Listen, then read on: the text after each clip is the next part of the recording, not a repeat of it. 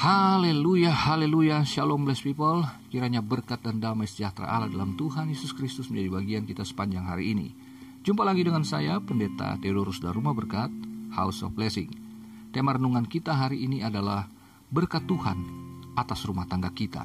Firman Tuhan dari Mazmur 128 ayat 1 sampai 6. Ini pasal yang pendek. Begini firman Tuhan. Nyanyian ziarah Berbahagialah setiap orang yang takut akan Tuhan, yang hidup menurut jalan yang ditunjukkannya. Apabila engkau memakan hasil jerih payah tanganmu, berbahagialah engkau dan baiklah keadaanmu.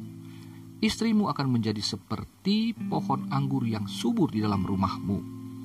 Anak-anakmu seperti tunas pohon zaitun sekeliling mejamu. Sesungguhnya demikianlah akan diberkati orang laki-laki yang takut akan Tuhan. Kiranya Tuhan memberkati engkau dari Sion, supaya engkau melihat kebahagiaan Yerusalem seumur hidupmu dan melihat anak-anak dari anak-anakmu damai sejahtera atas Israel. Blessed people sudah terkasih dalam Tuhan ini adalah nyanyian ziarah nyanyian yang merefleksikan iman orang Israel ketika menuju bait suci di mana mereka memuji-muji Tuhan. Dalam hal ini dalam konteks Mazmur 128 umat Israel bersyukur sekaligus berdoa untuk apa yang Tuhan telah berikan dan yang akan Tuhan berikan bagi mereka. Kata berbahagia dituliskan tiga kali, ayat 1, ayat 2, dan ayat 5. Dari teks Ibraninya, Ezer artinya berkat yang meliputi aspek rohani dan aspek jasmani. Jadi berkat Tuhan bagi umatnya selalu meliputi yang rohani dan jasmani, lengkap saudaraku. Nah, umat Israel percaya bahwa Tuhan yang menganugerahkan keluarga atau rumah tangga bagi mereka, maka Tuhan pasti hadir dalam rumah tangga itu. Apa yang Tuhan lakukan yang disebut berkat itu pasti membawa kebahagiaan bagi umatnya. Apa yang diberikan dunia itu bisa menyenangkan, tapi belum tentu membahagiakan. Tapi yang daripada Tuhan itu pasti mendatangkan kebahagiaan. Amin, saudara. Nah, bagaimana kita umat perjanjian baru itu dapat menikmati berkat Tuhan atas rumah tangga kita juga sebagaimana Israel menikmatinya. Yang pertama, saudaraku, di ayat 1, berbahagialah setiap orang yang takut akan Tuhan yang hidup menurut jalan yang tunjukkannya. Poin yang pertama ini Rumah tangga yang diberkati adalah setiap orang di dalam rumah tangga itu takut akan Tuhan. Nah, saudaraku, takut akan Tuhan itu bukan hanya menghormati Tuhan, bukan hanya sungkan, segan kepada Dia sebagai pribadi yang maha kuasa, maha kudus, tetapi di sini dalam praktik kehidupan dari kita sebagai umat yang ada di dalam rumah tangga atau keluarga itu adalah harus hidup menurut jalan yang ditunjukkannya. Inilah kunci kebahagiaan saudaraku. Jadi bagaimana kita mengelola rumah tangga kita di dalam jalan yang ditunjukkan Tuhan. Tuhan yang menginisiasi pernikahan itu. Tuhanlah yang menganugerahkan pasangan bagi kita. Tuhanlah yang telah memberkati pada saat kita diteguhkan dalam pernikahan yang kudus. Itu sebabnya Israel percaya Tuhan hadir dalam rumah tangga kita, maka kita pun harus percaya demikian. Kalau Tuhan hadir dalam rumah tangga kita, itu berarti kita harus tunduk takluk dan taat kepada Dia sepenuhnya. Jalan Tuhan jalan yang sempurna. Meskipun demikian, jalan Tuhan itu tidak mudah bagi kita, tidak menyenangkan, dan bahkan menyakitkan mungkin. Tapi itulah jalan yang terbaik bagi saudara dan saya ketika kita menjalankan atau mengelola rumah tangga kita. Dunia menawarkan cara-cara praktis untuk menikmati kebahagiaan, tapi itu kebahagiaan yang semu.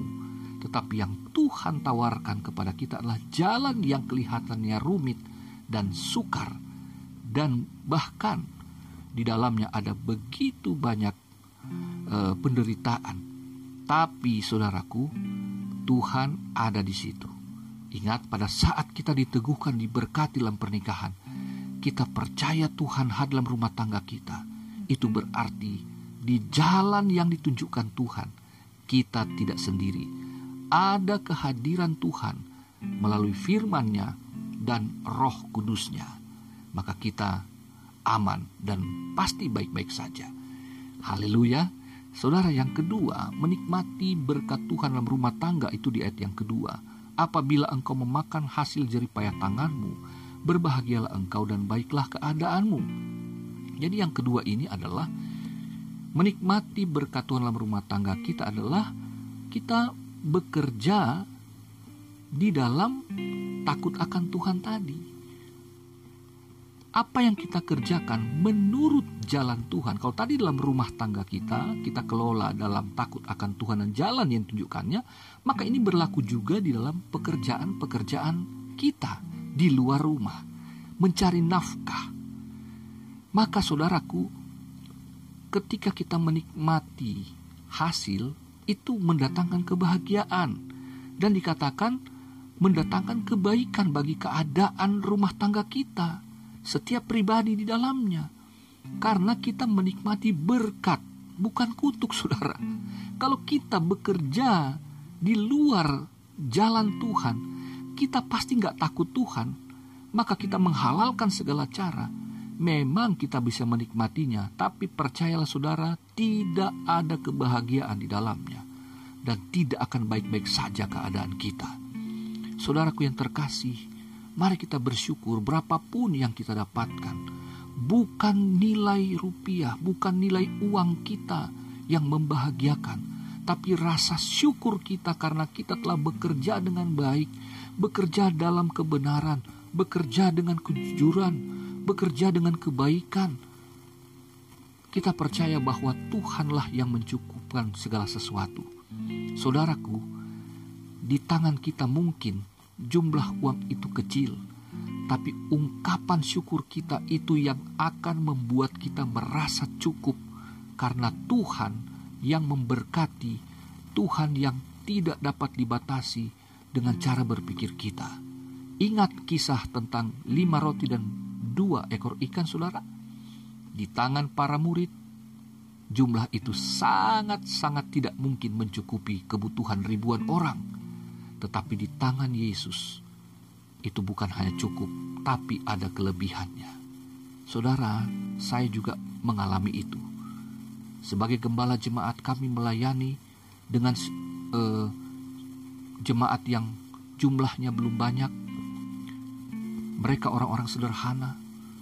Sinode kami tidak mengenal sistem gaji. Kami diajar dari sekolah Alkitab untuk hidup dengan iman maka kami melayani dengan baik. Kami memberikan pelayanan yang terbaik, bahkan kami berkorban secara materi.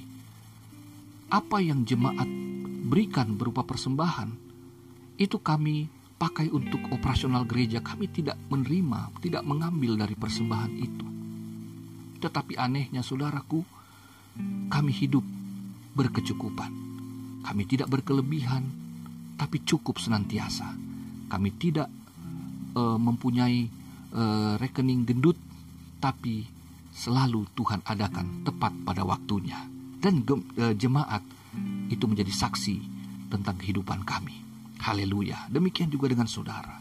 Hidup benar, bekerja dengan benar, motivasi yang benar, maka saudara akan melihat, saudara akan hidup karena pertolongan Tuhan, karena anugerah, karena berkatnya, bukan semata-mata dari jumlah yang saudara dapatkan.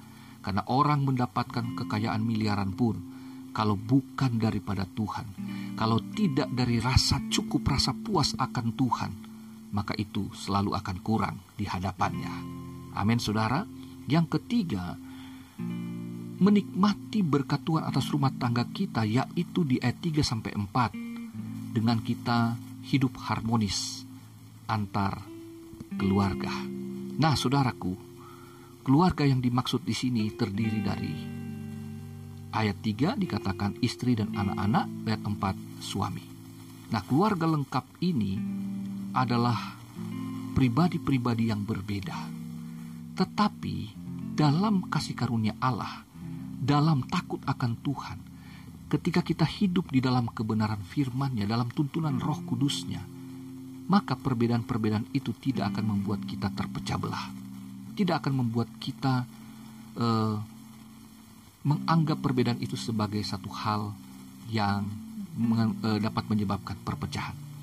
Tapi perbedaan itu justru mendatangkan keharmonisan, karena kekurangan yang satu akan ditutup dengan kelebihan yang lainnya. Haleluya! Di sini kita melihat bahwa istri akan menjadi seperti pohon anggur yang subur dalam rumahmu. Anggur itu adalah gambaran kebahagiaan, sukacita yang berlimpah. Karena dia bukan buah anggur, pohon anggur.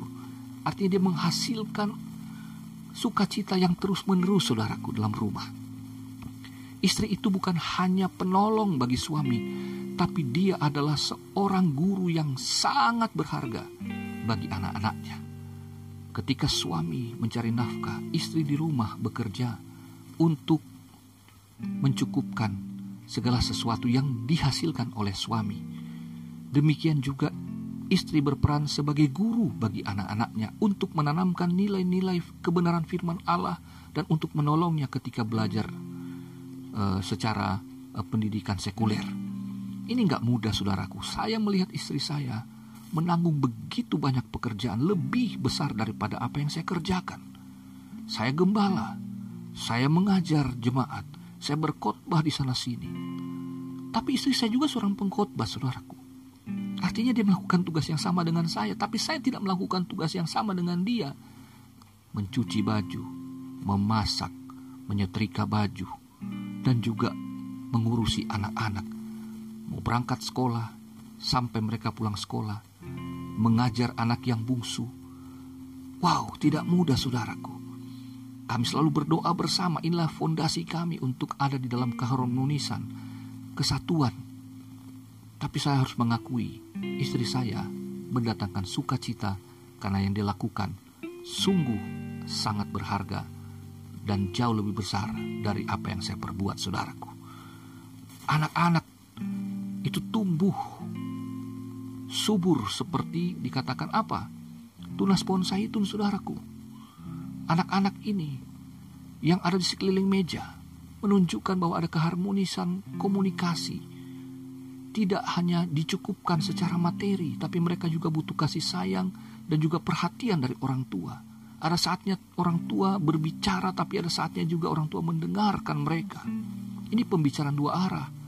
Sama seperti Tuhan, tidak selalu hanya berbicara, tidak hanya dia menyampaikan firman, tapi dia juga dikatakan mendengarkan kita dalam doa-doa dan keluh kesah kita juga. Bahkan protes kita kepada dia dia dengarin juga. Dan inilah hubungan yang baik saudaraku. Bahwa anak-anak itu nantinya mereka dikatakan sebagai tunas pohon zaitun mereka akan menghasilkan sesuatu yang indah dan besar ke depan. Karena buah zaitun itu banyak gunanya. Maka anak-anak kita yang hidup tumbuh di dalam didikan kedua orang tua karena anak ini berada di antara istri dan suami bukan? Nah, itu sebabnya saudaraku bahwa anak-anak ini nantinya akan berdampak luas karena pendidikan yang baik dan benar dari orang tua, baik secara rohani maupun juga secara moral. Nah, saudaraku yang terkasih, bahwa kemudian dikatakan eh, suami adalah laki-laki yang takut akan Tuhan. Nah inilah walaupun disebutkan terakhir tapi sesungguhnya dialah yang pertama yang harus takut akan Tuhan. Dialah yang menjadi contoh teladan dalam hal iman, dalam hal integritas, kesetiaan. Istri telah melayani suami, tunduk pada suami, tapi suami juga harus mengasihi istri dan mengasihi anak-anaknya. Dia harus setia kepada istri dan anak-anaknya dalam pernikahan, dalam sumpahnya kepada Tuhan, kepada istrinya seumur hidup. Karena ada begitu banyak suami yang tidak setia dan akhirnya meninggalkan istrinya. Tapi saudaraku, mari kita menjadi keluarga yang harmonis karena kita berperan. Kita berfungsi dengan benar, dengan baik. Lalu kemudian akhirnya, di ayat 5 dan 6 adalah sebuah harapan, sebuah doa bagi rumah tangga kita. Bagaimana kita menikmati eh, berkat Tuhan dalam rumah tangga? Ini di ayat 4, ayat 5 dan ayat 6 maksud saya. Ini adalah bagaimana kita menikmati berkat Tuhan dalam rumah tangga kita, yaitu dengan kita mempunyai berkat yang lintas generasi. Kita dapat melihat Tuhan berkarya bukan hanya pada kita hari ini, tapi kita dapat melihat jauh ke depan bahwa apa yang kita tanam hari ini di dalam takut akan Tuhan, di dalam kita mengelola rumah tangga dengan baik dan benar, dalam kita bekerja dengan baik dan benar, di dalam kita berfungsi secara baik dan benar yang menciptakan keharmonisan itu, maka satu saat kita akan melihat keturunan dari anak-anak kita atau cucu-cucu kita. Kita akan melihat mereka sebagaimana kita melihat anak-anak kita dulu dalam keindahan Tuhan di dalamnya, di dalam bagaimana kita mendidik mereka. Demikian kita akan melihat anak-anak kita. Kiranya dapat mendidik mereka juga sama seperti mereka dididik oleh kita para orang tua. Kiranya ini yang menjadi damai sejahtera atas rumah tangga kita semua. Demikian pelajaran pada hari ini. Kiranya menjadi berkat bagi saudara Percayalah Tuhan mengasihimu, Tuhan mengasihi keluargamu juga. Ia memberkatimu, ia memberkati keluargamu juga. Sampai jumpa lagi, Tuhan Yesus memberkati. Haleluya, bless people.